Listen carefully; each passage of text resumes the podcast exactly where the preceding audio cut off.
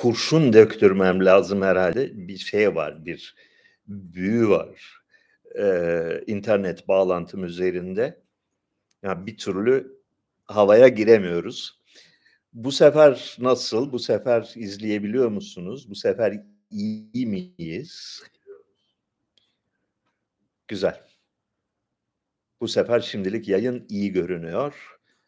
Ee, demin cep telefonu üzerinden yayın yapayım dedim. Dünkü kötü tecrübelerimizden hareketle daha beter oldu. Cep telefonundan kalite yok. Ee, yeniden Wi-Fi'ye geçtim. Bakalım Wi-Fi'nin de böyle bir özelliği var. Belli aralarla birden kesilip yeniden bağlanıyor ve bu sefer YouTube yayına gidiyor. Üzgünüm. Tuğrul Katkak'ın sorusunu cevaplıyorduk. Soğuk Savaş sırasında ABD radikal İslam'ı pompalamıştı. Bu sefer neyin pompalanmasına karşı teyakkuzda olmalıyız sorusuna e, doğrusunu isterseniz bilmiyorum bu sorunun cevabını. Fakat şöyle bir doğaçlama yaptım. E, Amerika Birleşik Devletleri son özellikle iki yıldır dünyadaki egemenliği konusunda son derece kendinden emin ve kibirli görünüyor. Yani parmağımızda oynatırız dünya devletlerini gibi bir yaklaşım içindeler.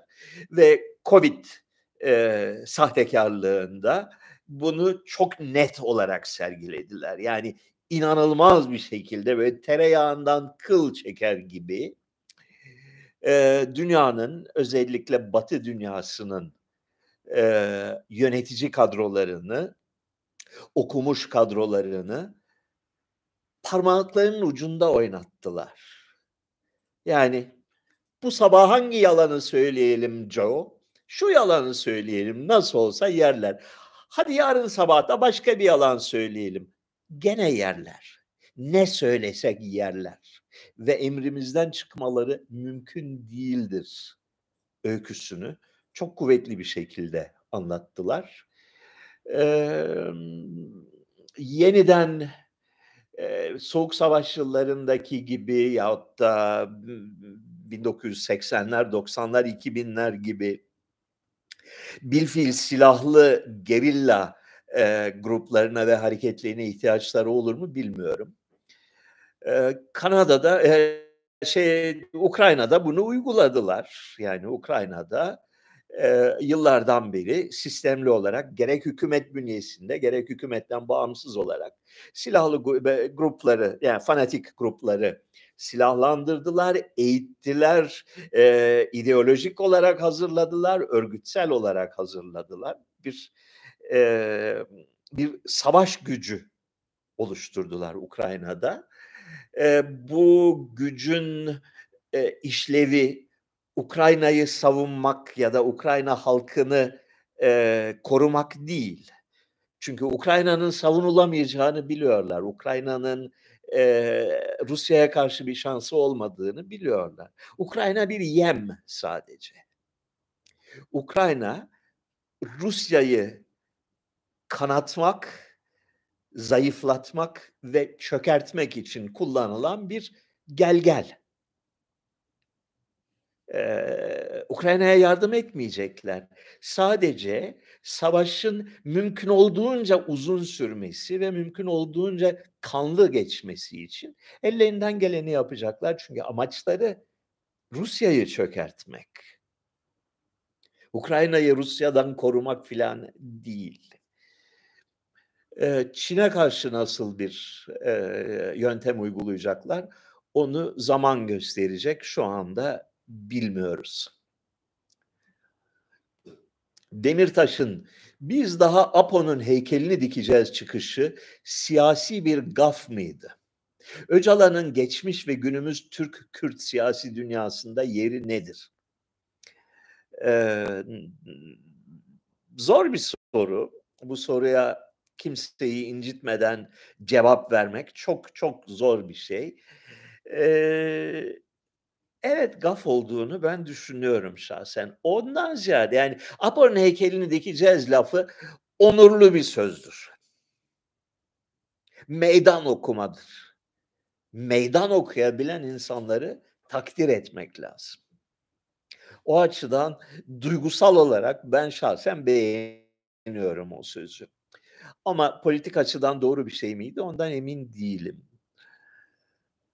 Esas seni başkan yaptırmayacağız söylemi büyük bir hataydı. Çok ciddi bir hataydı. Yani bu iki söylem yani Apo'nun heykelini dikeceğiz ve seni başkan yaptırmayacağız. Aslında şaşılacak bir hızla yükselen bir politik e, dinamizmin içine etti. Yani o noktaya kadar pek çok insan, şaşılacak kadar çok insan Selahattin Demirtaş'ı geleceğin cumhurbaşkanı olarak düşünmese bile hayal edebilmeye başlamıştı. Yani gözünün önüne böyle bir ihtimali getirebilir olmaya başlamıştı. Yani şeydeki o e, CNN'e falan çıkıp dımbır dımbır saz çalma, çaldığı günlere falan baktığınız zaman ciddi ciddi Türk siyasetinde yeni bir oluşum, yeni bir alternatif ortaya çıkar gibi olmuştu. Ee, büyük hata, büyük hata bu alternatifi Tayyip Erdoğan blokuna karşı net bir pozisyon alarak harcadı. HDP'nin Türk siyasetinin kısır ikileminin dışında kalması gerekiyordu. Üçüncü güç olarak kendini lanse etmesi gerekiyordu. Seni başkan yaptırmayacağız diyerek Cihangir Partisi'nin, Alsancak Partisi'nin, Çankaya Partisi'nin müttefiki ve üyesi haline getirdiler HDP'yi. Oysa ki Cihangir Partisi'nin ve Alsancak Partisi'nin bir özelliği vardır. Tarihte hiçbir seçim kazanamamıştır. Bundan sonra da kazanmayacaktır. Ya. Takım elbise nedir? Niye giyilir? Neden vardır? Neyi temsil eder? Tıraşlı ve takım elbiseli birini görünce içimden nefret çıkması normal midir diye sormuş. Ortalama yaşı 25 civarında olduğu anlaşılan bir arkadaş. Benim yaşım 65, ben de nefret ediyorum takım elbiseden ve giyenlerden. Ee,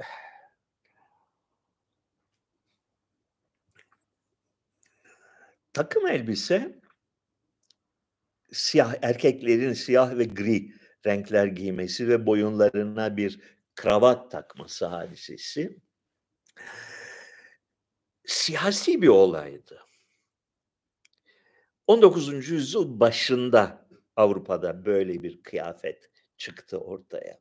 Ondan önceki dönemde yönetici sınıfların, egemen sınıfların, e, güçlü ve zengin olan sınıfların alameti farikası alabildiğine renkli, alabildiğine cafcaflı ve fırfırlı ve kurdeleli ve altınlı ve sırmalı e, giysiler, fantastik bir takım başlıklar giymekti ve bu evrensel bir olaydır. Yani yalnız Avrupa'da Avrupa aristokrasisinden söz etmiyoruz.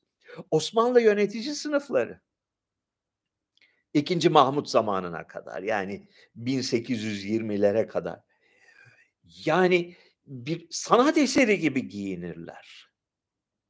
Bir bir şaşa, bir coşku, bir e, güzellik abidesi olarak giyinirler. Hintliler, Çinliler, e, bu İnkalar, Aztekler, Mastekler onlar yani Amerika halkları zengin olmanın, güçlü olmanın, egemen olmanın belirtisi alabildiğine fantastik bir şekilde giyinmektir. Çok pahalı kumaşlarla, e, görülmemiş modellerle giyinmektir.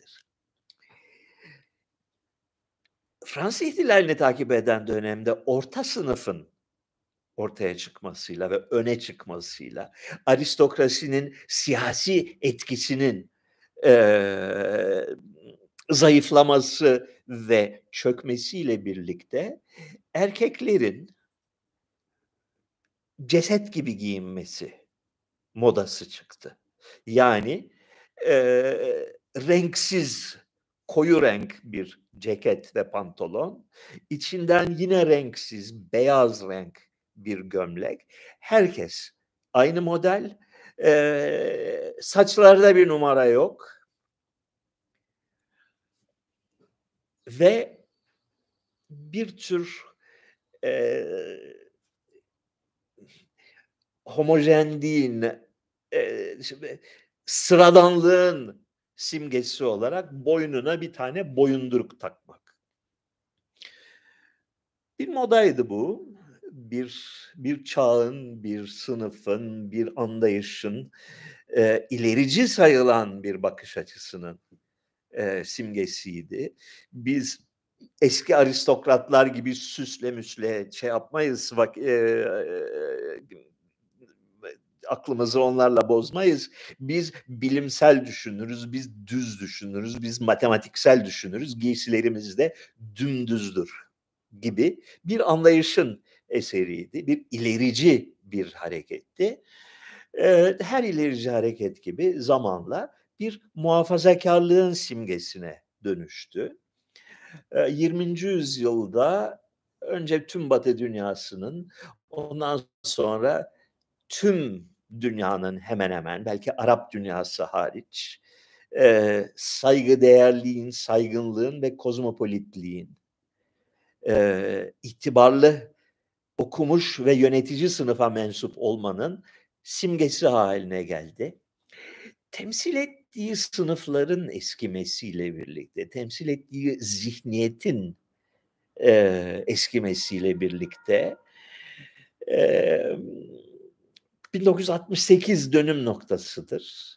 1968'den sonra önce yavaş yavaş yavaş ondan sonra 2000'den sonra 1990'lardan sonra böyle bir büyük bir dalga halinde e, ceket, kravat, e, takım elbise e, normu gitgide daralan, gitgide sıkışan, gitgide küçülen bir alana hapsedildi son yıllarda dünya siyasi liderleri özellikle kravatsız olarak veya spor giyimle sahneye çıkmaya e, önem veriyorlar. Şimdi ilerici olan ya da e, devrimci olan ya da e, çağın ruhuna uygun olan bu. E, konfeksiyon giyinmek, e, e, sokak serserisi gibi giyinmek, spor giyinmek bu. Hiç kimsede şey cesareti yok. Tek tük kadın siyasilerde bazen oluyor da erkeklerde hiç yok. Özgün giyinme e, cesareti. Yani tek olan, muhtemelen çok pahalı olan ve başka hiç kimseye benzemeyen bir rengarenk giysiyle e, kamuoyu önüne veya iş yerine gitme cesareti henüz o noktaya dönmedik. Chomsky ve şürekasının Rusya'ya karşı tutumunu nasıl yorumlarsınız? Teşekkürler. Şimdi Chomsky bir e, demeç vermiş, bir röportaj vermiş geçen gün. E, ve e, bunda e, Rusya'nın Ukrayna saldırısını bir insanlık suçu olarak nitelendirmiş. Fakat röportajın bütününe baktığın zaman asıl suçladığı taraf doğal olarak Amerika. Yani bu savaşı Amerika'nın hazırladığı, Amerika'nın kışkırttığı ve Amerika'nın mecbur ettiği Rusya'yı apaçık bir gerçek. Ve Chomsky de bunu yıllar önceden söylemişti. Yani bu savaş çıkmadan önce de söylemişti ve hala o konudaki fikrini değiştirmemiş. Fakat e, özellikle Amerika'da, özellikle Batı dünyasında öylesine e, çılgınca bir isteri var ki öylesine kamuoyu tamamıyla tek yöne yönlendirildi ki yani bu savaşın suçlusu Rusçadır nokta e, gibi. Bu söylemi şey vermese ya, bir şekilde bu söyleme boyun eğmese Chomsky linç edilecek. Chomsky belki susturulacak. Eee, bugüne kadar kazandığı saygınlığın tamamını yitirecek. Buna bunu belki, eee, göze alamamış. Dolayısıyla Rusya da suçludur söylemini kullanmak zorunda hissetmiş kendini. Şimdi Amerika bu savaşın tarafı. Avrupa Birliği de en azından şimdilik bu savaşın tarafı. Savaş halinde olan ve belli ki çok büyük bir savaş ihtimalini göz önünde bulunduran bir toplumda devletin çizgisinin dışına çıkmak kolay bir şey değildir. Eee, tehlikelidir. Ahlaken sıkıntılıdır. Senin toplumun topyekün bir cihat açmışsa, bir cihat içindeyse, bir isterik çığlıklar atıyorsa herkes, eee, bununla mücadele etmenin yöntemleri başkadır. Yani önce birkaç adım geri çekilmen gerekir. Belki bir süre susman gerekir. Ondan sonra yavaş yavaş bir takım pozisyonları geliştirmeye başlaman gerekir. Türkiye'deki durum farklı. Türkiye son derece doğru bir politikayla yani şaşılacak kadar doğru bir politikayla bu savaşın dışında kalmaya çalışıyor. Yani her iki tarafla da iyi geçinmeye fakat ne bağısına olursa olsun NATO ile Rusya arasında çıkabilecek büyük çaplı bir savaşın dışında kalmaya çalışıyor. Bu noktada doğal olarak Amerika ve Amerika'nın istihdam ettiği insanlar, Amerika'nın Türkiye'deki uzantıları e, veya yabancı basından tercüme etmeyi gazetecilik zanneden geniş bir takım kadrolar böyle hop hop yerlerinde zıplayıp öğretmenim öğretmenim hadi hadi biz de bomba atalım biz niye şey yapmıyoruz Rusları e, cezalandırmıyoruz tavrına girmiş bulunuyorlar. Bu bir propagandadır ve bu sonuçları olan bir propagandadır. Türk devletini, Türkiye'yi bu savaşta taraf olmaya mecbur kılmaya çalışıyorlar. Bunun ahlaken son derece yanlış bir tavır olduğunu düşünüyorum. Şu anda Türkiye'de yapılabilecek en doğru hareket milletin kafasını karıştırmaktır. Yani bu olayın bir şu yüzü var bir de bu yüzü var. Karar vermek kolay değil. Aman sayın hükümet acele kararlar vermeyin. Öyle de olabilir bu iş, böyle de olabilir. İki yanın bir taraf, iki e, seçenekten biri konusunda Türkiye'de bir kamuoyu birliği veya coşkusu veya heyecanı veya isterisi yoktur. Bunu sağlamak lazım.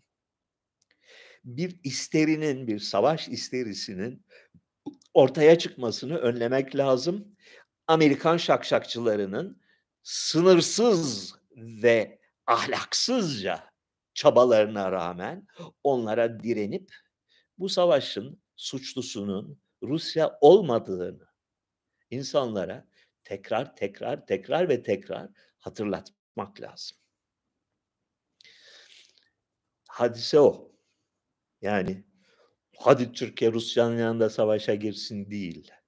Bu savaşın dışında kalsın. Bulaşmasın. Bunun için de Türk kamuoyunda Amerika yanlısı ve Amerika karşıtı seslerin eşit güçte işitilmesi lazım.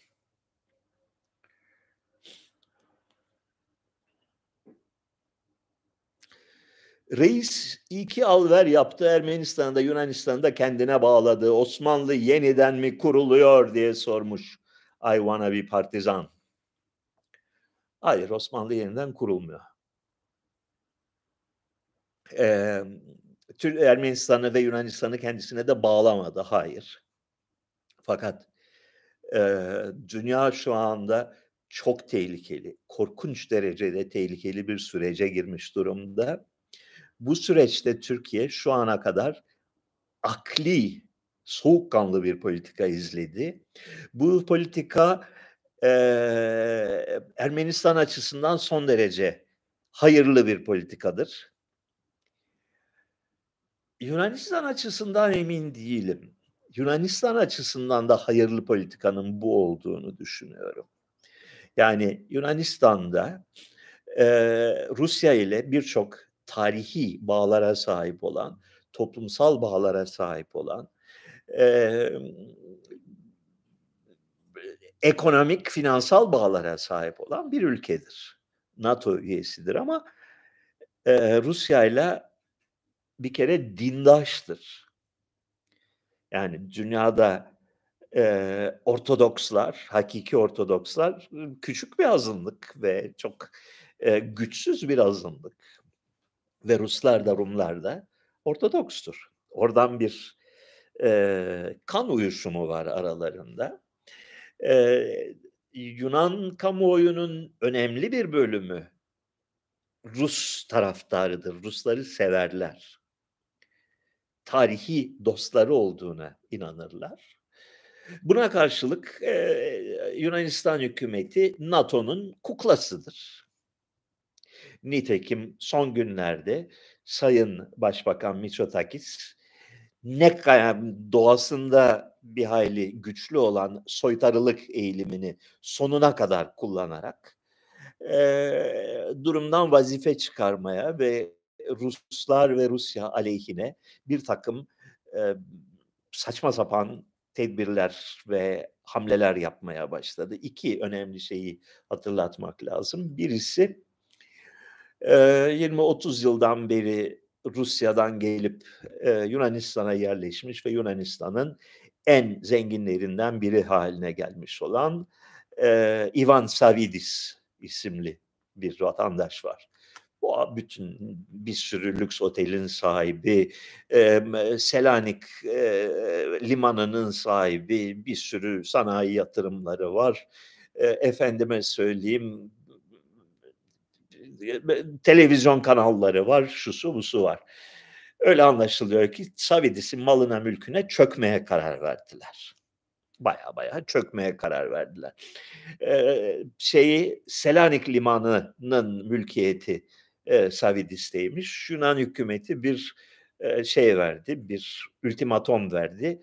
Bunu 3.30 paraya Amerikalılara satmasını emretti. Amerikalılar alacaklarmış e, şeyi e, e, Selanik limanını. Savidis güzel bir cevap verdi. Yani yarrağımı alırlar gibisinden bir şey söyledi. bugün yapılan bir, çıkarılan bir kararname ile Rus pasaportuyla açılan tüm banka hesapları donduruldu. Şimdi Yunanistan'a e, işçi olarak gelen, Yunanistan'a gelip evlenen sayısız Rusya vatandaşı var. Demin televizyonda bunlardan biriyle şeyi e, mülakatı izliyorduk. Kadın 20 sene önce Yunanistan'a gelmiş, evlenmiş Yunanlıyla. E, bir ayakkabıcı dükkanında tezgahtar olarak çalışıyor. 550 euro aylık maaş alıyor ve devlet bunun banka hesabına el koydu. Bu gangsterliktir. Bu eşkıyalıktır bu modern devletlerin, çağdaş batı devletlerinin hukukla, ahlakla her türlü bağı kesip bayağı yol kesen eşkıyalığa giriştiklerinin ve bunu e, ahlaken, hukuken, siyaseten doğru saydıklarının bir belirtisidir. Yani Türkiye e, nasıl bundan 4-5 sene önce KHK çıkararak yüz binlerce insanı sorgusuz sualsiz hapse attı, banka hesaplarına el koydu, e, müktesep haklarını yok etti, emeklilik maaş, em, emekli maaşlarına el koydu. Nasıl bir akla seza soygunculuk hadisesi ise yani talan bayağı bildiğin orta çağ bile diyemezsin buna. Yani taş devrinden kalma bir talan hadisesiydi. Eee, çağdaş medeniyetin yuvası olan Kanada'dan başladı. Amerika Birleşik Devletleri, Almanya filan falan bayağı bildiğin silahlı soyguna giriştiler. Fırsat bu fırsat diyerek. Korkunç günler bekliyor bizi. Çünkü zembereği çıktı, makinanın şeyi gitti. Eee, yani makinayı bir dengede tutan birtakım mekanizmalar vardı. Bunlar kırıldı. Bundan sonrası artık her şey serbest. Göreceğiz. Eee, yani, eee, Türkiye'nin bölgede oluşturabileceği olası bir, eee, itidal odağına Ermenistan katılır. Rahat rahat katılır. Güle oynaya katılır. Yunanistan katılabi katılmak ister belki fakat katılmaya gücü yeter mi? Onu zaman gösterecek. Eee, Türkiye, İsrail, Suudi Arabistan bir eksen oluştururlarsa eğer dünyanın bu tarafında çok şaşırtıcı gelişmeler olabilir. Çünkü ben Avrupa'nın da uzun vadede Amerika'nın gangsterlik politikasına ne ölçüde ayak uyduracağını, nereye kadar ayak uyduracağını doğrusunu isterseniz kestiremiyorum. Yani şu anda yüzde yüz tamam beraberiz, hep beraber yürüyoruz havasındalar. Ne kadar, nereye kadar götürebilirler?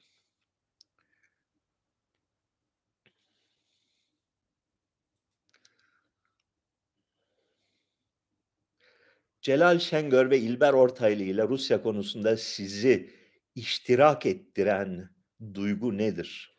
Sorusuna yeterince cevap verdim zannediyorum.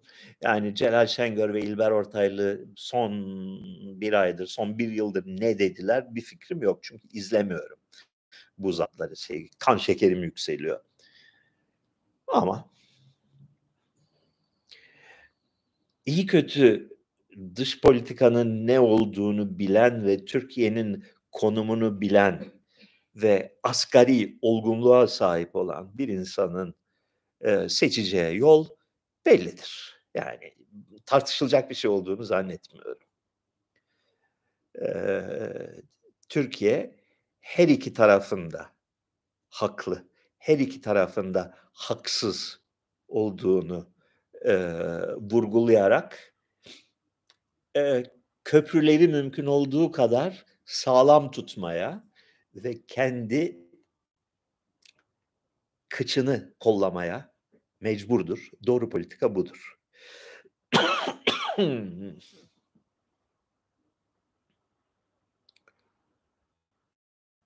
Efendim.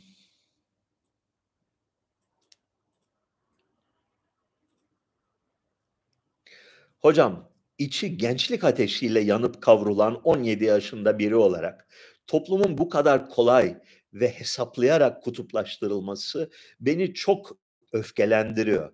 Siz gençliğinizde bu duygudan nasıl kurtuldunuz? Hiçbir zaman kurtulamadım. Aynı yani benim eee, siyasi bakış açımın, toplumsal duruşumun oluşmasında zannediyorum ki temel eee, şey yani belirleyici dönem ortaokul yıllarımda 1971'den eee, yok ortaokul sonu lise başı 1969-70'ten eee, 73'e kadar olan dönemdir. Eee, 12 Mart dönemini hatırlayan artık çok az zannediyorum aranızda. O dönemin devlet söyleminin, Sadık Koçaşlar'ın, Faik Türünler'in, Süleyman Demirel'lerin söyleminin ahlaksızlığı, iğrençliği, utanmazlığı, pespayeliği 15 yaşındayken ben, 14 yaşındayken beni öylesine kudurtmuştu ki, öylesine çıldırtmıştı ki Yani o günden beri ruhen, vicdanen terörist oldum ben. Eee, hiçbir yere bomba koymadım bugüne kadar da koyanları takdir ettim, onu söyleyeyim ben size.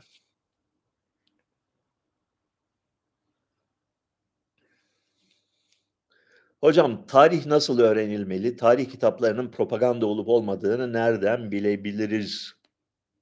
Çok okuyacaksın, başka çaresi yok. Çok okuyacaksın ve eleştirel okuyacaksın. Bu adam neden bana yalan söylüyor olabilir? Nesi yanlış bu kitabın? Bu anlatıda doğru olmayan nedir sorusunu devamlı soracaksın. Her şeyden önce şunu soracaksın. Tarih bir takım kavgaların tarihi. Yani e, bir hanedanla öbür hanedan kavga etmiş, bir milletle öbür millet kavga etmiş, bir partiyle öbür parti kavga etmiş. Her iki tarafta da belli ki büyük kalabalıklar varmış. Yani binlerce, milyonlarca insan buna aktır demiş, öbürleri de karadır demişler. Ondan sonra hayda birbirlerine girmişler, birbirlerini dövmüşler. Şimdi milyonlarca insan aktır diyorsa ve milyonlarca insan karadır diyorsa bu nesne sadece ak veya sadece kara olamaz. Yani anlatı sana bu taraf aktı, bu taraf karaydı diye anlatıyorsa en iyimser ihtimalle yarı doğruyu anlatıyor. Anlatabiliyor muyum bunu? Yani eee 9 Eylül 1922'de Türkler İzmir'i kurtardık diyorlar. Yunanlar da diyorlar ki 9 Eylül 1922'de Türkler İzmir'i işgal etti veya zapt etti veya istila etti. Bunlar birbirine taban tabana zıt iki bakış açısı. Hangisi haklı? Bunlardan birinin yüzde yüz haklı olduğunu söyleyemez. İki tarafı var çünkü olayın. Yani çok sayıda aklı başında yetişkin insan buna veya buna inanmış. Sonsuza kadar üstünden 100 sene geçtiği halde hala tartışıyorlar bunu.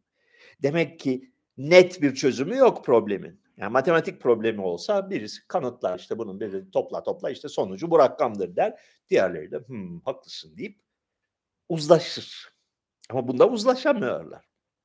Şimdi bu demek değildir ki hiç hayatta taraf tutmayacaksın. Taraf tut. Hatta şey doğaldır. Kendi tarafını tut. Yalnız şunu bil. Eğer bir tarihçi olmak istiyorsan bu öykünün bir de öbür tarafı var. Ve öbür tarafı da hesaba katmayan, öbür tarafı da göz önüne almayan bir anlatı yalan anlatıdır.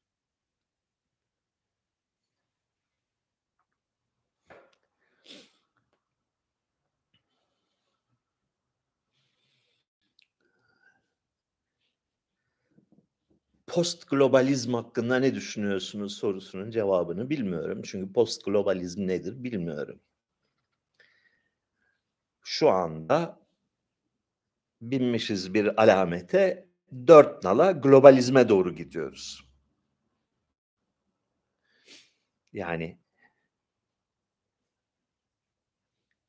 birisi bir yerden bir talimat veriyor. Dünyanın 40 ülkesinde 40 tane klasikleşmiş Rus yazarı veya e, Rus sanatçısı yasaklanıyor ilgili kurumlar tarafından. Daha bundan daha global ne olabilir? E, postu bunu nasıl oluyor bilmiyorum herhalde. E, dünya çapında finans sistemi çöker. Dünya çapında elektrik üretimi bugünkünün onda birine düşer e, petrol üretimi sıfırlanır. O zaman post global olursun çünkü mecburen e, toplumlar ayrışır yani onları bir arada tutan kurumsal iskeleler çöker.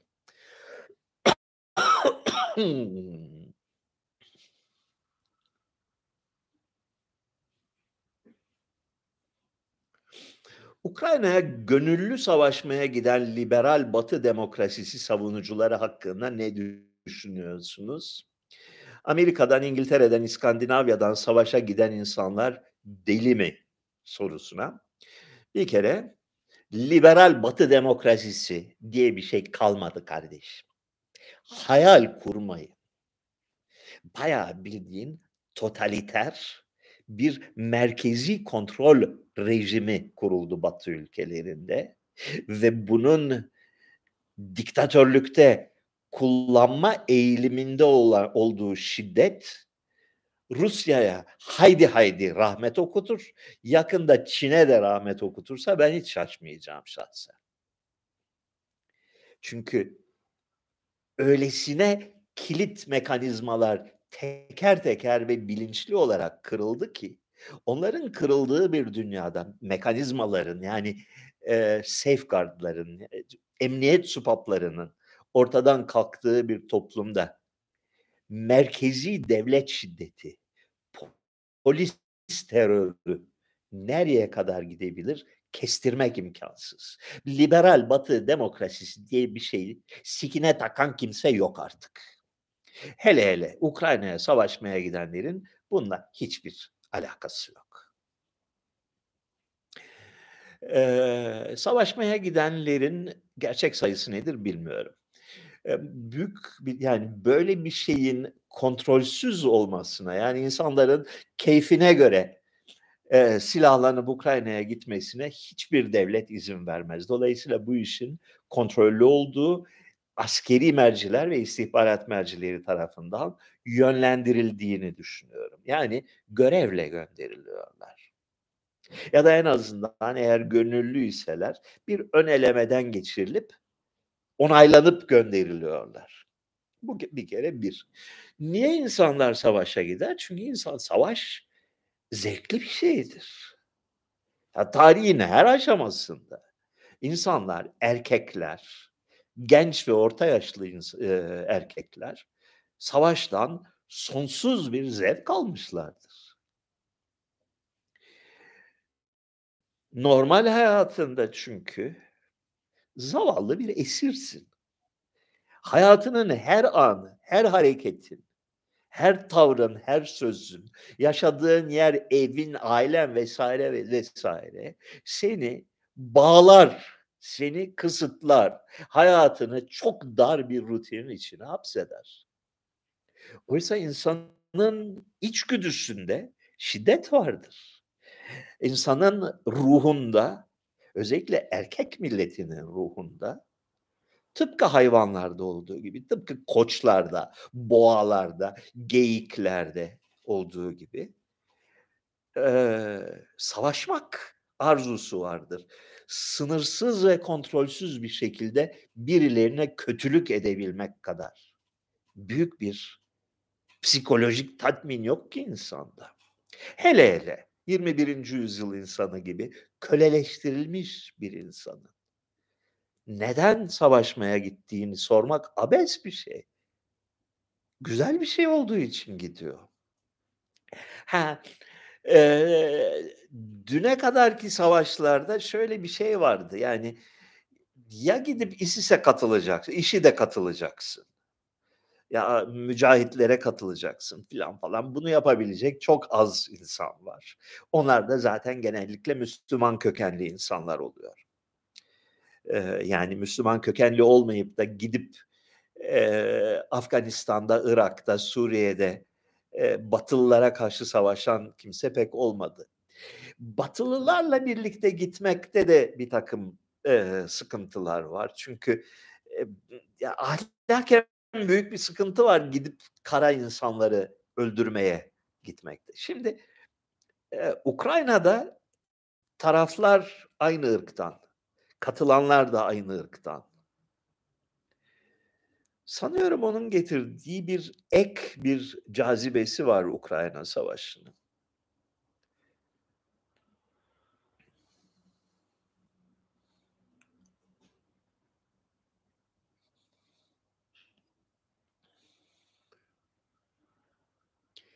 Türkiye'ye dönerseniz ilk işiniz ne olur? Şirince'de emekli hayatına mı başlarsınız? Evet, Şirince'ye giderim ve oldukça sakin bir yaşamı tercih ederim. Eee, yani fiziksel olarak da yorgunum artık. Daha önemlisi sosyal anlamda yorgunum. İnsanlarla muhatap olmak, insanlarla eee, ıvır zıvırı konuşmak, kavga etmek, sevişmek, bir yerlere gitmek filan beni çok yıpratıyor, yoruyor artık. Çalışmalarıma devam ederdim. İşim var, bayağı işim var. Yani öyle, eee, oturup dinleneyim, huzur içinde olayım gibi bir çaba şey içinde değilim. Eee, seyahat istiyorum. Yani hatuna, eee, resti çektim. Yani ultimatomu verdim. Ya dedim 3 tane seçenek var, üçünden biri. Ya ilk uçakla Peru'ya gideriz. Peru'dan Bolivya, Şili, Şili'nin ucuna kadar bir gideriz. İkinci seçenek ya Fas ya Cezayir'e gideriz. Oradan yola çıkarız. Bir müddet bu iki ülkede kaldıktan sonra güneye doğru yol alırız. Mali'ye gitmek istiyorum. Benim yıllardan beri kafamda öyle bir şey var. Mali'yi görmem lazım benim. Ondan sonra Afrika'nın içine doğru, güneyine doğru devam ederiz ya da böyle büyük bir kavis çizip Etiyopya'dan yukarı çıkarız. Üçüncüsü hazır burada Ermenistan'dayken e, buradan İran iki saat. Atla arabaya İran'a geçelim. İran'ı bir ucundan ucuna geçelim. Afganistan girebiliyorsak girelim. Oradan Pakistan, Hindistan Allah ne verdiyse bunlardan birini yapacağız dedim.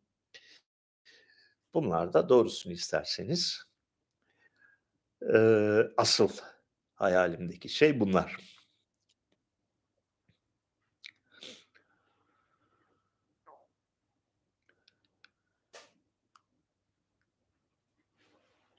Zeka genetik mi diye sormuş Alper Yaşar.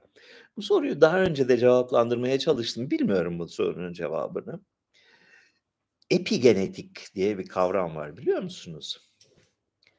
Öyle olması daha muhtemel. Belki de zeka ya da bir takım kişilik özellikleri doğuştan değil de doğuşu doğumu izleyen aylar içinde aileden, eee, çocuğa aktarılıyor. Şey değil, eğitimden söz etmiyorum. Yani 2 yaşından sonra değil. İlk birkaç ay boyunca çok şey aktarılıyor çocuğa. Bu bunlardan en önemlisi, ya bu yıllarca bunun dikkat dikkatimi çekiyor. Yeni doğan bebeğin yüz ifadesi yoktur. Böyle böyle bir şeydir. Bazen ikinci ayda, çoğu zaman üçüncü ayda yüz ifadesi ediniyor çocuklar ve o noktada anne veya babanın yüz ifadesini alıyorlar. Böyle ayna gibi emiyorlar sanki onu. Ve bunu birkaç kere size söyledim. Zeka denilen şey esasında bir duruş. Bir tavır. Bir yüz ifadesi.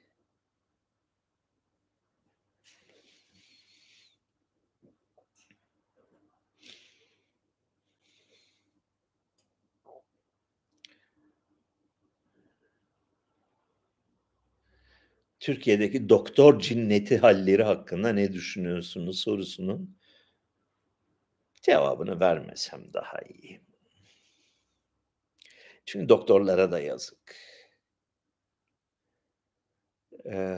Kendilerini yüzde yüz haklı zannediyorlar. Tabii ki değiller.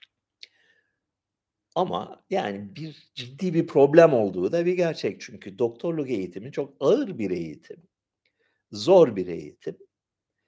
Eee, bunun sonucunda vardıkları yer, eee, duygusal açıdan bir kibir içeren bir pozisyon ve, eee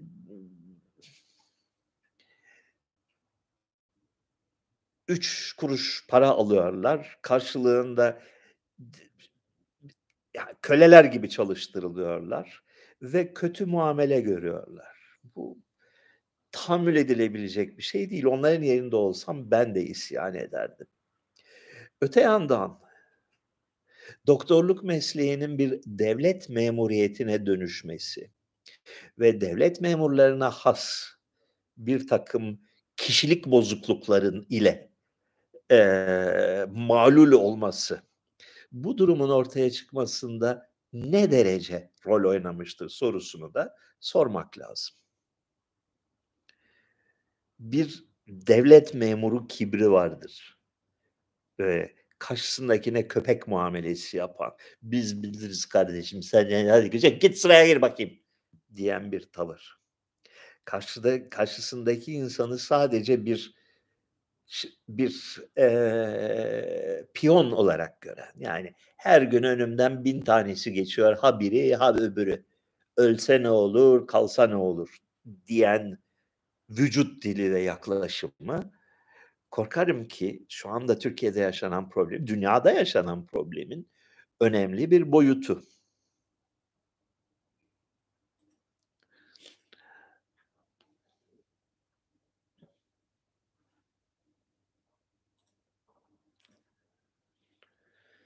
Osmanlı'nın hükümdarlığı döneminde 1914'e kadarki dönemde Antalya'nın etnik yapısını anlatır mısınız?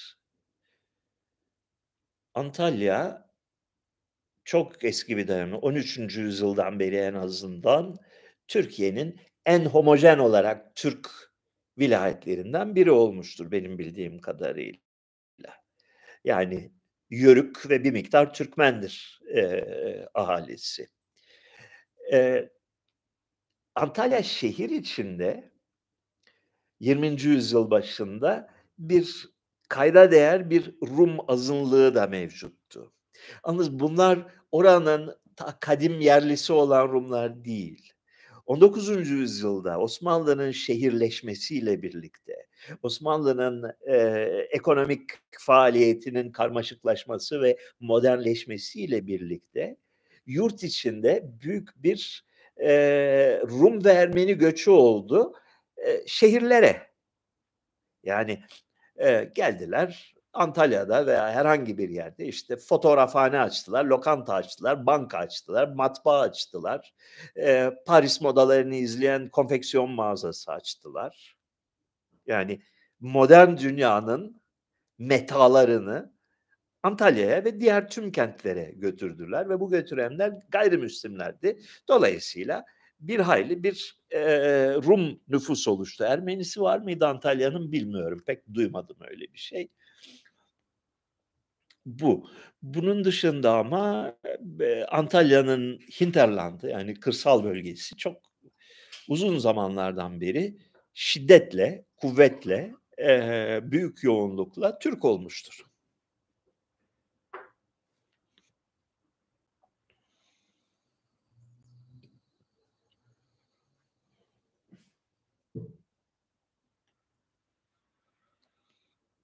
Nusayriler konusunu sormuş Baran Aytaç. Gene etnik gruplar şeyine girdik. Ee, rotasına girdik. Nusayrileri biliyor musunuz? Ben mesela herhalde e, 30 yaşıma kadar filan ki ben çok genç yaştan itibaren Türkiye'yi bir hayli gezen biriyim. Pek bir fikrim yoktu Nusayriler hakkında. Yani şunu bilmiyordum. Antalya'nın, eee, an pardon, Antakya'nın, şey, Hatay'ın güney kesimi, yani Antakya şehri ile onun güneyinde, eee, Samandağ özellikle ve Defne, eee, ilçeleri, biraz da dağın öbür tarafında Arsuz ve İskenderun'un köyleri güneyde. Eee, Arapça konuşan, kendini Arap sayan Alevi nüfusla meskûndur. Bayağı ciddi bir nüfus var orada. Eee, Alevilikleri yani gelenek ve görenekleri, itikatları Türkiye'nin diğer yerlerindeki Alevilerden bir hayli farklıdır. Yani isim olarak aynı çizgideler de esasında başka bir dinden söz ediyoruz burada. Eee, bu bölgeyi gezerseniz eğer bir şey dikkatinizi çeker. dağda bayırda her tarafta bembeyaz badanalanmış tıpkı Rum kiliseleri gibi Yunanistan'daki kiliseler gibi kubbeli küçük türbeler vardır. Ziyaret yerleri vardır. Sayısız ama yüzlerce. Ve özellikle böyle dağın zirvesinde bir kanyonun içinde, bir mağaranın ağzında böyle insanın tüylerini ürperten doğa hadiselerin olduğu yerlerde ve milyon yıllık bir çınar ağacının dibinde filan e, bulunur bu ziyaretler. Bu mesela Türkiye'nin diğer yerlerindeki diğer Alevileri için e, pek tipik olan bir şey değil. Bu özellikle Hatay Alevileri. Bu Hatay Alevilerine Nusayri adı verilir. Kendileri pek sevmezler bu ismi. Bu bir yabancıların onlara verdiği bir isimdir. Nusayri kelimesinin anlamı konusunda da çok ciddi bir e, polemik vardır. Çünkü e, bir rivayete, yani resmi tarihe göre işte Nusayr bir bilmem kim adlı bir Arap 12. yüzyıl olması lazım veya 11. veya 12. yüzyılda bu mezhebi, bu e, itikadı ortaya koydu diye anlatılır. Oysa Nusayri aynı zamanda e, bir hakaret tabiri olarak küçük Hristiyanlar demektir. Ya yani, e, Nasrani Hristiyan demektir. Nasıralı, İsa biliyorsun. İsa'nın lakabı Nasıralı'dır. Nasrani demek, İsevi demek. Yani Hristiyan demek. Nusayri ise bunun tashiri yani küçültülmüşü. Ee, Hristiyancık anlamına gelen bir tabir. Ama bunu söylediğin anda tabii yok hocam öyle değil. Kasan işte Nusayr bin, bin filanca kesinlikle yaşamıştır vesaire gibisinden hikayeler dinleyeceksiniz. Kulağınızın bir yarısını verin, gerisini şey yapmayın. Çok tatlı insanlardır. Yani e, şiddetle sol eğilimlidirler. E, dini taassuptan uzaktırlar. E, toplumsal yaşamları rahat ve açıktır. Kadın erkek ilişkileri son derece medenidir. Yani Türkiye'nin en sayılı medeni, e, çağdaş toplum gruplarından biridir. Bunun dışında ne diyebilirim? Evet yani öyle anlaşılıyor ki e, bir tarihte Hristiyanlıktan dönmüşler en kuvvetli ihtimal bu. Ya da Müslüman egemenliği altında bir şekilde Hristiyanlarla kendilerini çok yakın ve dost hissettikleri için onların bir takım tavır ve hareketlerini, onların bir takım alışkanlıklarını, onların bir takım ön yargılarını paylaşmışlar. Hangisidir bilmiyorum. Ee, biliyorsunuz Nusayrilerin yani Alevilerin, Suriye Alevilerinin yayılım alanı Antakya'dan başlar güneye doğru Suriye'nin sahil kesimidir. Yani ta Lübnan sınırına kadar, Lübnan sınırından e, Lazkiye ve şeye kadar, Antakya'ya kadar olan bölge Suriye Alevilerinin yaşam mekanıdır.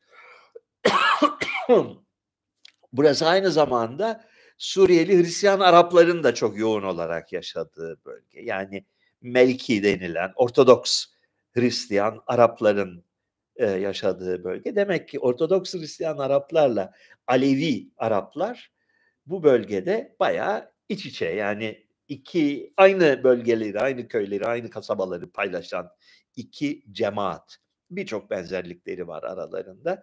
Tabi Suriye tarafına geçince Hristiyanları da görüyorsun. Türkiye tarafında Antakya ve Samandağ'ında Hristiyan bırakmamışlar. 1938'den sonra işte top topu e, şeyin Samandağ'ın bir küçük mahallesi var. Zeytuniye diye Hristiyan Arapların yaşadığı. Altınözü ilçe merkezi var. Altınözü ilçe merkezi çok çarpıcı bir yerdir. Çok görmeye değer bir yerdir. Orası da Hristiyan Arap mahallesidir. Antakya'da yaşayan, şehirde yaşayan fakat bunun dışında Hristiyan e, Arap unsuru sayıca çok azalmıştır. Buna karşılık Alevi Arap, Nusayri unsuru Uuu, ibadullah. Yani Türkiye'nin nüfus yoğunluğu en yüksek olan bölgelerinden biridir. Samandağ, Antakya arası. Yani böyle uçtan uca neredeyse 40 kilometre bir şehir olmuş. Öyle bir yer.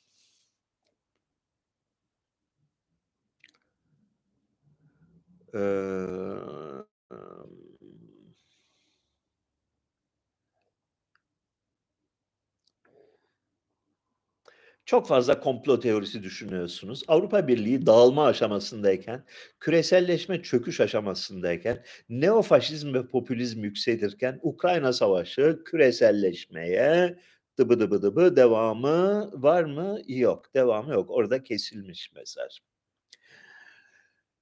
Bu komplo teorisi lafı çok feci kabak tadı verdi. Hakikaten yani kafa sikmeye başladı. Eee, yani bir argümanla başa çıkamıyorsan komplo teorisi deyip geçiyorsun. Olayların dinamiklerini, olayların aktörlerini, görünen ve görünmeyen aktörlerini anlamaya çalışıyoruz. Rasyonel bir çerçeve içinde anlamaya çalışıyoruz. Dünya tarihi hakkında bildiklerimizi, bugünün siyaseti hakkında bildiklerimizi, bürokratik işleyiş mekanizmaları hakkında bildiklerimizi, insan psikolojisi hakkında bildiklerimizi harmanlıyoruz. Ve bir karar verilmişse, herhangi bir karar, bunun faktörleri nelerdir? Bunu kendiliğinden mi bu kararı verdiler? Birileri mi onları yönlendirdi? Bunları çözmeye çalışıyoruz. Eee, bu komplo teorisi argümanı yahut whataboutism diye bir argüman var şimdi. Yahut, eee, işte, eee, Putin propagandası yapıyorsun gibi argümanlar. Bunlar rasyonel düşünme disiplinine sahip olmayan insanların, gerçek bir tartışma, eee, ahlakına sahip olmayan insanların karşısındakinin bacağına ateş ederek onu devre dışı bırakma teşebbüsleridir. Ha, komplo teorisi diyen insanlara ben otomatikman siliyorum. Hiç yani boş ver. Ciddi insanlar değiller çünkü. Ne dediklerinin farkında değiller. Anlamlı bir şey söylediklerini zannediyorlar da değil. Söylemiyorlar.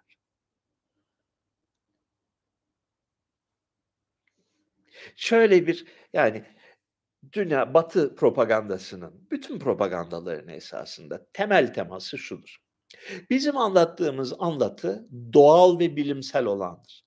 Bundan başka türlü düşünülemez. Bizim anlattığımız şekli e, öykülerin tek gerçek anlatıdır. Buna inanınız diyor otoritenin sahibi. Anlatıyı kurgulayanlar anlatıyı sürekli yeniden üretenler. Sen diyorsun ki abi yok burada bir iş, bir yanlışlık var. Bu hiçbir mantıklı insan, hiçbir olgun insan bu sizin söylediğiniz verilerden, bu sizin söylediğiniz sonuçlara ulaşamaz.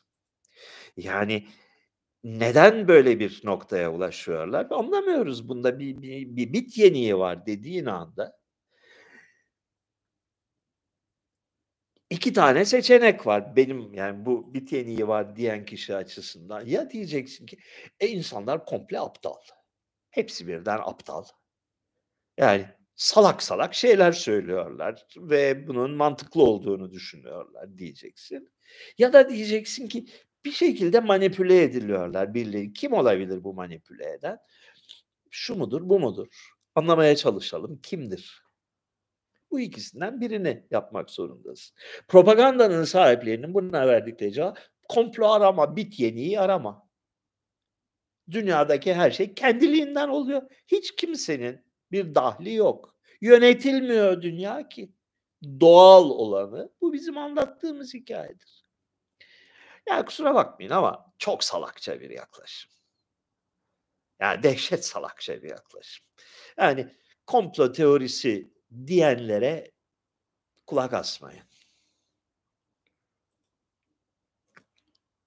Sunduğu açıklama, sunduğu rasyonalizasyon, sunduğu sebep sonuç ilişkileri mantıklı mı değil mi? Bu soruyu sorun. Yani tarihte buna benzer olaylar olmuş mu? Yaygın bir bakış bir şey mi bu? Eee, pattern mı? Bir eee, da eee, olaylar bu şekilde mi gelişmiş? Siyaset hakkında bildiklerimize uygun mu? Bürokrasi hakkında bildi bildiklerimize uygun mu? İnsan psikolojisi hakkında bildiklerimize uygun mu? Bu soruları sor. Bu soruları sorduğun zaman ciddi ve gerçekçi bir cevap, karşı tez ileri sürme imkânın olur. Ben diyorum ki mesela, eee, dünyadaki hava kirliliğini yaratan, eee, Marslılardır, gelmişler yapıyorlar. Komplo teorisi demek bir yöntemdir. Arkadaş Marslılar gelmiş olamaz çünkü şundan şundan dolayı. Çünkü Marslılar gelseydi bunun bir böyle bir sonucu olurdu. Eee, alternatif açıklamalar şunlardır. Eee, dolayısıyla kurduğun sebep sonuç zinciri yanlıştır demek başka bir şey. Komplo teorisi ithamını kullanmayın bence. Avrupa Birliği dağılma aşamasında olup olmadığını bilmiyoruz. Yani Avrupa Birliği dağılma aşamasındayken diyemezsin. Çünkü Avrupa Birliği bir takım çok şiddetli iç, eee, gerilimler yaşıyor. Evet, dağılabilir. Böyle bir ihtimal var. Diğer yandan Avrupa Birliği'ni güçlendirme ve merkezileştirme yönünde de çok kuvvetli bir eğilim var. Bu 2 eğilimden hangisinin galip geleceğini ben şahsen bilmiyorum. Sizin de bildiğinizi zannetmiyorum. Kimsenin de bildiğini zannetmiyorum. Yani Avrupa Birliği'nde bir takım sancılar var. Fakat Avrupa Birliği'nde merkezi yönetimin, yani Avrupa Konseyi'nin, eee, komisyonunun pardon, eee, egemenliğini arttırmak ve özellikle dış politika ve güvenlik politikası, askeriye konusunda, eee, koordinasyonu arttırmak ve merkezi kontrolü arttırmak yönünde son derece güçlü eğilimler var. Küreselleşme çöküş aşamasındayken osur osur ipediz yani boş laf bunlar. Eee, küreselleşmede yine aynı şekilde, eee, ciddi birtakım krizler var. Eee, Çin'le, eee, Amerika'nın arasının bozulması, eee, neoliberalizmin, eee sermaye hareketlerindeki serbestliğin kısıtlanmaya başlaması bunlar gerçek şeyler. Eee, küreselleşmede çok büyük, beklenmedik ölçüde bir kriz de mümkün. Yani ufukta bu var. Fakat aynı zamanda özellikle son 2 yılda gördüğümüz hadise COVID, eee, soytarılığının bütün dünyada, bütün ülkelerde nasıl ustaca tek elden organize edildiğini görmek, küreselliğin henüz cenaze merasimi için çok erken olduğunu bize gösterdi.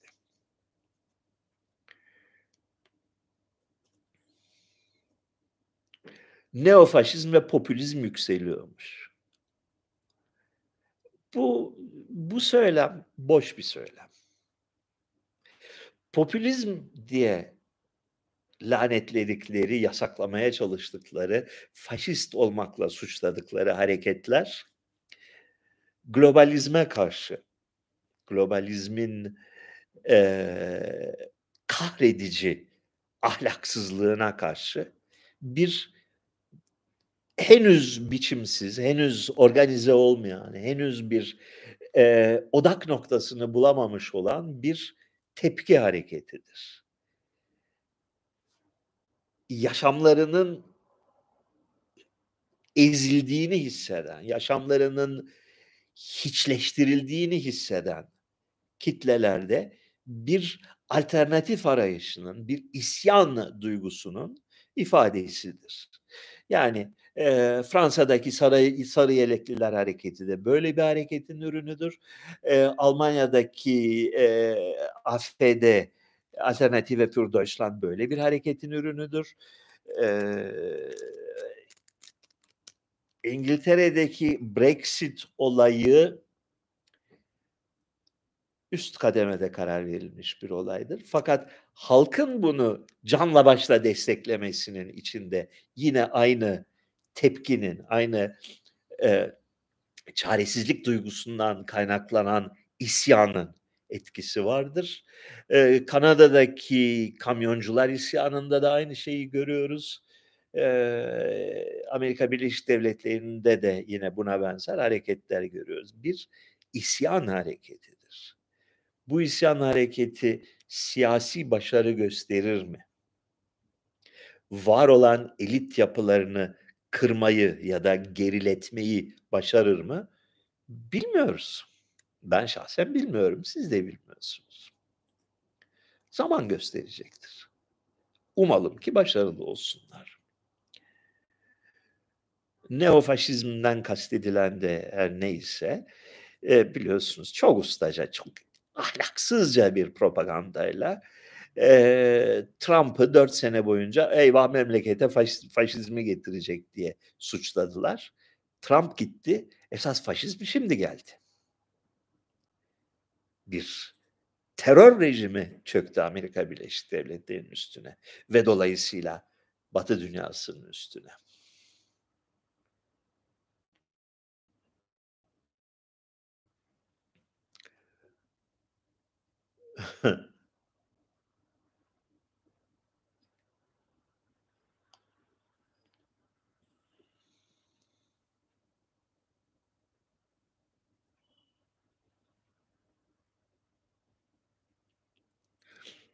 İki sene içerisinde önemini acı bir şekilde anladığımız mantık ve felsefe alanında okunmasını tavsiye ettiğiniz eserler nelerdir? Her yiğidin bir yo- yoğurt yiyişi vardır ve bu yoğurt yiyişi de büyük ölçüde tesadüflerle hayatta karşına çıkan e, beklenmedik küçük detaylardan e, hareket eder.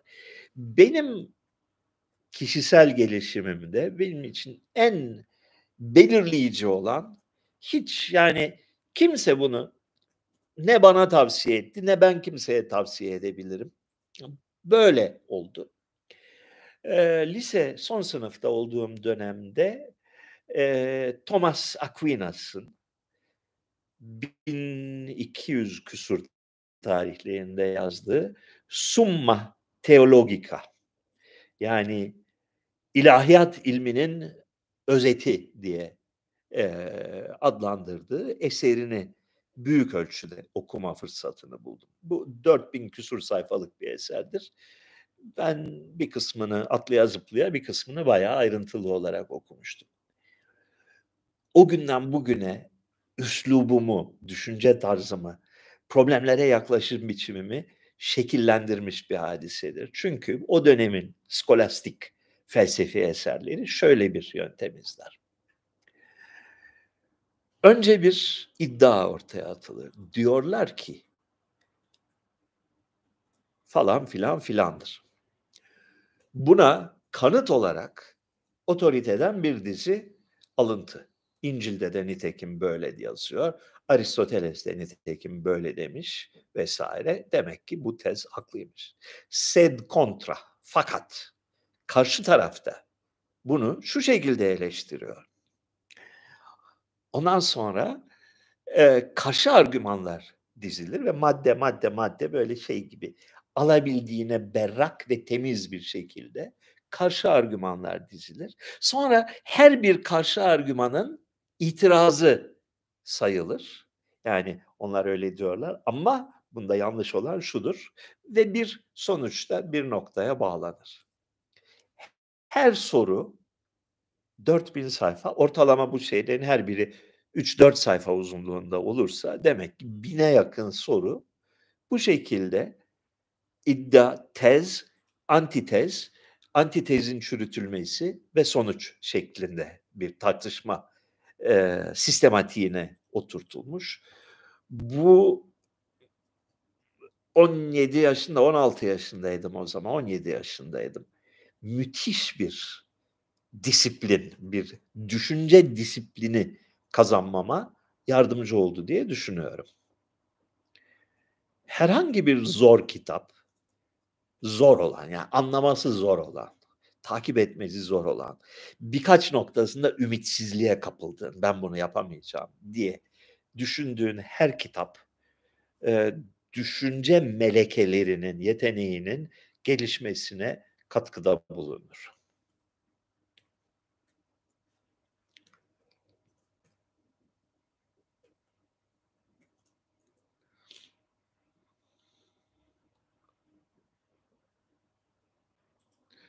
Sartre'ın "Bir dinim yok ama birini seçmek isteseydim o şeriatininki olurdu." dediği söylenir. Şüpheli.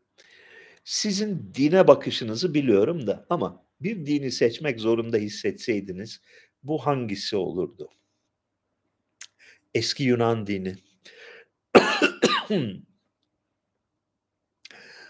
Ahlaki iddiaları son derece sınırlı olan, buna karşılık muazzam bir hikâye, eee, repertuvarına sahip olan ve çok güzel imgeler, çok güzel resimler ve heykeller ve öyküler üretmiş olan bir din. Öyle.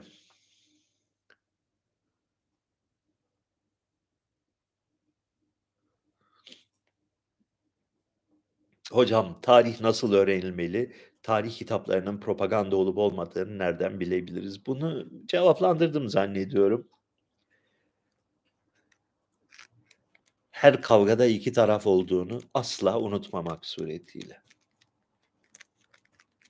Temel şey bu. Her kavgada en az iki taraf vardır ve her iki taraf da kendisinin haklı olduğuna inanmaktadır.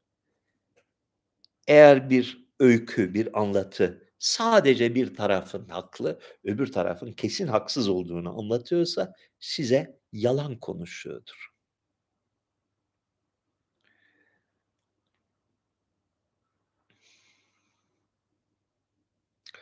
Hocam political correctness ile McCarthyizm arasında bir taktiksel bağ var mıdır? Apaçık ortada. Yani, eee, Amerikan toplumu, eee, propagandayla çok kolay yönlendirilebilen bir toplum. Yani, iletişim mekanizmaları ve toplumu yönlendirme mekanizmaları çok gelişmiş olan, başka ülkelere nazaran kıyaslanmayacak kadar gelişmiş olan ve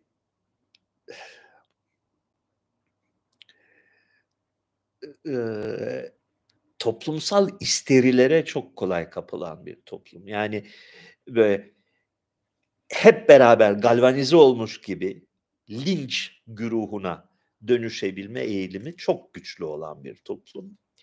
Eee, 1950'lerdeki Senatör Joseph McCarthy'nin mecliste başlattığı komünist avı ile bugün, eee, özellikle Demokrat Parti bünyesinde ve özellikle üniversiteler bünyesinde egemenliği ele geçirmiş olan, eee, ve kendine utanmadan liberal yaftasını yapıştıran, eee, kesimin yaratmaya çalıştığı toplumsal isteride, eee, çok çok büyük benzerlikler taşıyor. Aynı isteri eğiliminin, aynı, eee, Amerikan toplumunun bir şekilde ergenli ergenlik, eee, krizlerinin bir sonucu, bir ifadesidir.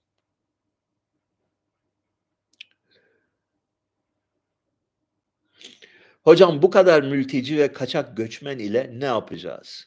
TC devleti ne yapmak istiyor? Demiş Marco Paşa. Bir bir gerçektir ve bununla yaşamayı öğrenecek Türkiye toplumu. Başka bunun çaresi yok. Nasıl ki diş macunu tüpten bir kere çıkarsa geri girmez.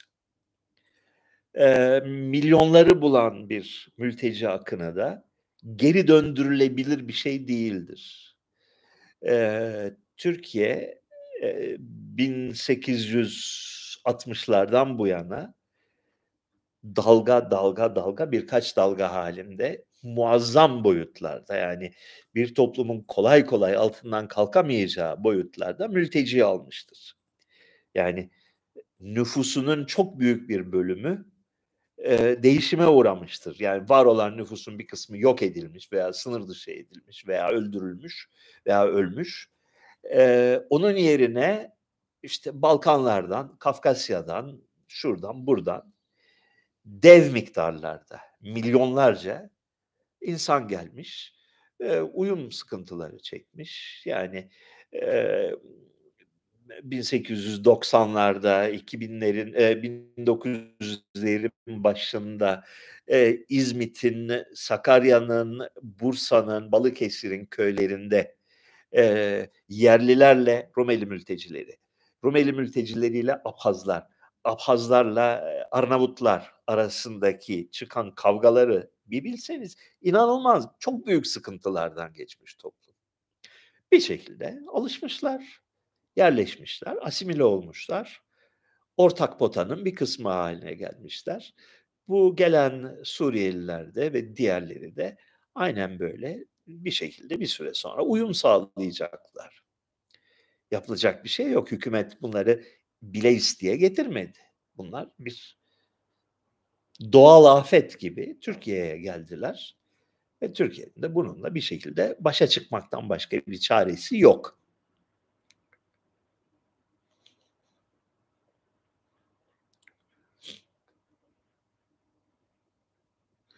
Kürdistan hareketi, Orta Doğu bataklığından bataklığından yaşama ihtimali olmadığı halde neden Kürtler Kürdistan yerine Türkiye'yi ele geçirmesi? Yani bu çok çok cümle biraz şey olmuş. Anladığım kadarıyla şunu soruyor. Kürdistan kuracağına kardeşim Türkiye'yi ele geçir. Öyle olacak. Yani eee, nüfus eee, istatistiklerine bakın. Eee, Kürt illerindeki nüfus artışına bakın. Batı illerindeki Kürt sayısının artış hızına bakın. Bu Kürtlerin toplumsal dinamizmiyle Türklerin uyuşukluğu arasındaki uyumsuzluğu hesaba katın. Dünyadaki benzeri örnekleri, hesaba katın ve görürsünüz ki 30 seneye kalmaz, Türkiye'de Kürtler egemen olacak. Yani bunun farkında değilsiniz ama böyle. Eee Sevan Bey, hayatınız boyunca birilerinin adamı oldunuz mu hiç? Bilerek ya da bilmeyerek. Bilmeyerek bilemem yani nasıl olabilir öyle bir şey. Birilerinin adamı nasıl olunur?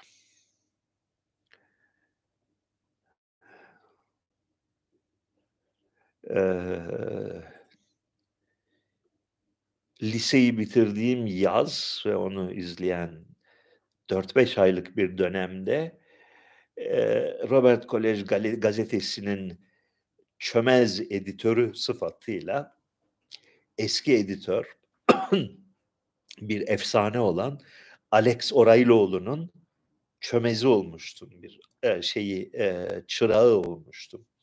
Yani bilerek ve isteyerek birisinin böyle arkasından koşturduğum ve "Abi senden çok şey öğreniyorum." dediğim ender vakalardan biridir. Onunla da durmadan kavga etmiştim tabii. Ya, aralıksız kavga etmiştim de başka bir mesele. Yani, eee, vay, yani çok şey öğreniyorum dediğim ender hadiselerden biridir. Onun dışında kimin adamı olmuşumdur? Hiç olmadım galiba. Yani, eee, herhangi bir siyasi veya resmî teşkilat diyorsanız hayatta o taraklarda bezim olmadı, hiç olmadı. Eee, üniversitedeyken, eee, Yale'in eee, political siya siyaset kulübü çok önemli bir kurumdur. Yüz yüz yıldan beri varlığını sürdüren bir şeydir. Bir, eee, parlamento benzeri bir çalışma şeyidir. Siyasi partiler, 4 tane siyasi parti vardır. Bunlar soldan sağa sayalım. Sosyalist Parti, Liberal Parti, Muhafazakar Parti ve Monarşist Parti olmak üzere 4 partidir. Ben Sosyalist Parti'nin üyesiydim, aktif üyesiydim. Eee, bayağı çalışmalarına filan katılırdım, konuşmalar filan da yapardık. Fakat Sosyalist Parti'den çok gidip Monarşist Parti'ye takılırdım. Çünkü onlar daha eğlenceliydi. Eee, yani bu soruya cevaptır. Yani birisinin adamı oldunuz mu diye. Sosyalist Parti'nin aday adamıydım da, eee, bütün arkadaşlarım Monarşist Parti'deydi. Monarşist Parti'nin, eee, tezi, iddiası Amerika'nın İngiltere'den bağımsızlık ilan edilme etmesi vatan hainliğiydi. Eee, çok büyük bir hataydı. Yeniden, eee, İngiliz monarşisine bağlanmalıdır Amerika ve, eee, meşru hükümdarımız İngiltere kraliçesidir diyen bir çok gırgır bir gruptu Monarşist Parti. Böyle. Bu savaşta Rusya mağlup olacak demiş Yahya Karaca. Böylece duygularını ve dileklerini dile getirmiş. Eee, 2 savaş var şu anda, 1 tane değil. Biri Rusya'nın Ukrayna'ya açtığı savaş. 2'ncisi Amerika ve çömezlerinin Rusya'ya açtığı savaş. 2 tane savaştır. 1. savaşı Rusya kazanacak. Bundan şüphem yok. 2. savaşı kaybedebilir. Hatta kaybetmesi daha güçlü olasılıktır. Benim gördüğüm bu.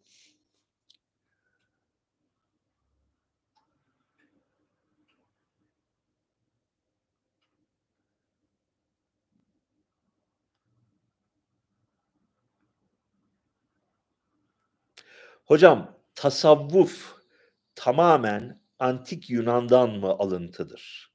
Cevabı hayırdır, hayır. Eee, tasavvuf eee, biliyorsunuz İslam dünyasında 11. yüzyılda, yani 1000'li yıllarda patlak veren bir hareket. İlk hareket hareket noktası anti İslami bir harekettir. Yani, eee, İslam'ın o güne kadar tanımlanmış ve şekillenmiş olan kültürüne, hukukuna, anlayışına, eee, siyasi çizgisine karşı bir isyan hareketidir. Eee, önce kurumsal İslam tarafından bastırılmak için şiddetle ve kanlı bir şekilde mücadele edilmiştir. Eee, bastırılamayınca bir şekilde İslam bünyesine alınıp nispeten zararsız bir hale sokulmuştur tasavvuf. Bir tür İslam'a karşı başka bir din kurma hareketidir. Bu dinin bir takım temaları, bir takım fikirleri, eee, birtakım, eee, düşünce kalıpları Hristiyan geleneğinden alınmıştır. Özellikle Gnostizm denilen Mısır'da, eee, kökü olan ve Hristiyanlık içinde 3. yüzyıldan itibaren, 4. yüzyıldan itibaren çok kuvvetli bir etki yaratmış olan Gnostizm'den, eee, birçok temalar ve fikirler almıştır. Fakat bana öyle geliyor ki daha kuvvetli, eee, etki doğudandır. Yani Hindistan'dandır. Yani tasavvuf gerek teorisi açısından, gerek işte dervişlik, yaşam tarzı, zı zühd ve takva yaşamı gibi şeyler, gerek türbe kültü açısından, eee, Hindistan etkisi gösterir. Çok kuvvetli Hindistan etkisi gösterir. Gerek Budist gelenekten, gerek diğer Hindu, eee, törelerinden bir hayli, eee, etkilenmiş görünüyor.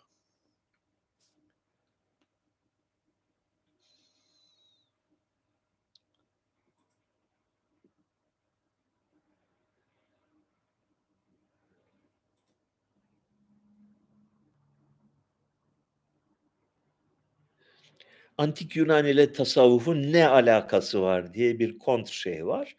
E, vardır yani tüm dinlerde, tüm gelişkin dini geleneklerde tasavvuf benzeri, eee, temalar, yani, eee, birtakım bedensel disiplinlerle, birtakım manevi disiplinlerle Allah'la direkt temas kurma eee, ya yönelik eğilimler, eee, vardır. Eski Yunan'da da vardır. Eski Yunan'daki mystery, giz dinleri hadisesinde vardır. Fakat özellikle Neoplatonizm yani, eee, geç Roma İmparatorluğu döneminde 4. yüzyılda, eee, Doğu illerinde eee, gerek, eee, Antakya'da gerek İskenderiye'de, eee, palazlanan, gelişen düşünce akımlarıyla tasavvuf arasında bayağı bir devamlılık, bir süreklilik var.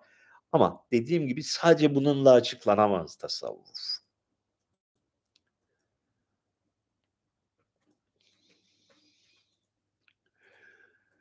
Sevan Bey, Kilikya Ermeni Krallığı hakkında bilgi verebilir misiniz? Bu bir elit dominasyonu örneği midir? Yoksa o bölgeye nüfus çoğunluğunu değiştirecek boyutta bir Ermeni göçü oldu mu? Bu soruya bir kere cevap vermeye çalıştım. Hatırlamıyorum ne kadar derli toplu olmuştu. Eee, şu var, 11. yüzyılda Türklerin gelişinden önce bayağı büyük bir nüfus göçü var. E eski Ermenistan'dan yani bugünkü Erzurum, Kars, Van bölgesinden, Anadolu'ya doğru ve Güneydoğu'ya doğru yani, eee, Diyarbakır'a, Urfa'ya, Malatya'ya, eee, Kilikya'ya yani Maraş, Adana bölgesine, Sivas'a, Kayseri'nin doğu kesimine muazzam bir nüfus göçü var. Eee, ve bunun getirdiği bir dizi siyasi altüst altüst oluş ve Bizans İmparatorluğu 1071'de, eee, Türkler tarafından ağır bir yenilgiye uğrayıp Anadolu üzerindeki hakimiyetini kaybettiğinde bu bölgelerde yani Sivas'ta, Tomarza'da, eee, Kozan'da Besni'de, şeye, eee, Adıyaman'a yakın, Gerger'de, Urfa'da, Malatya'da bir dizi yerel Ermeni derebeyi, Ermeni siyasi iktidar sahipleri, beyleri türemiş. Bunlardan bir kısmı özellikle Kilikya'nın dağlarında yani Çukurova'nın kuzeyindeki ve batısındaki dağlık bölgede, eee, bayağı tutunmuş, orada bir nüfus oluşturmuş. Bu nüfusun boyutları hakkında bilgimiz yok. Eee, fakat şunu biliyoruz, 1070'lerden 1100'lerin sonuna kadar, 100 yıl kadar burada burada bir kaos hüküm sürmüş. Yani bir dizi derebeyi, Ermeni derebeyleri, onların yanı sıra Müslüman derebeyleri, onların yanı sıra batıdan gelen Frank derebeyleri, birbirleriyle durmadan kavga etmişler, ittifaklar kurmuşlar, ittifaklar bozmuşlar, evlenmişler, boşanmışlar. Karmakarışık bir hikâyedir. Derken 1198 gibi bir tarihte bu çeşitli beyler, aralarında Rumlar var, Ermeniler var, Frankler var. Hatta öyle anlaşılıyor ki bir tane de Müslüman var şeyde, Ulukışla'da. Bunlar bir Ermeni kilisesinin kutsamasıyla bir Ermeni kişinin krallığını kabul etmişler. Bu krallık bir evet, bir elit dominasyonu hadisesidir. Bir siyasi bir oluşumdur. Bir milli devlet değildir. Bir siyasi oluşumdur. Eee, bu oluşumun, eee, heyheyli zamanları 5-6 sene sürmüş. 1204 gibi bir tarihte kesilmiş. Ama bir krallık olarak, bir yerel, bölgesel krallık olarak Ermeni Krallığı 1360'lara kadar mı ne varlığını sürdürmüş. Yani, 160 yıl gibi bir eee, ömrü olmuş. Bunu kısmen kuzeyindeki Konya Selçuklularıyla güneyindeki Mısır Memlukları arasındaki şiddetli rekabete e, borçlu. Bu ikisi birbirleriyle sürekli kavgalı olduğundan ikisinin ortasında bir şekilde Ermeni krallığı kah bir tarafa kah öbür tarafa e, yalpalayarak varlığını sürdürmüş. Peşinden e, Moğol istilası gelmiş. Moğol istilası bütün Orta Doğu'daki İslam devletlerinin gücünü kırmış. Bu, bu şekilde e, Ermeni Beyliği'nin, Ermeni Krallığı'nın bir süre daha e, yaşamasına izin vermiş. Fakat Moğol e, fırtınası geçtikten sonra ve e, Konya Selçukluları bölünüp parçalanıp Türkiye'de beylikler kurulduğunda güneyde Memlük Devleti çok güçlendi. Memlük güçlenince de e, şeyin e, Kilikya Ermeni Krallığı'nın bir fonksiyonu kalmadı, bir, bir yaşam şansı kalmadı. Nitekim Memlükler gelip zapt ettiler. Sevgili arkadaşlar bir buçuk saat yetsin sizlere. iyi bir gün diliyorum. Pazar günü görüşmek üzere. Allah'a ısmarladık.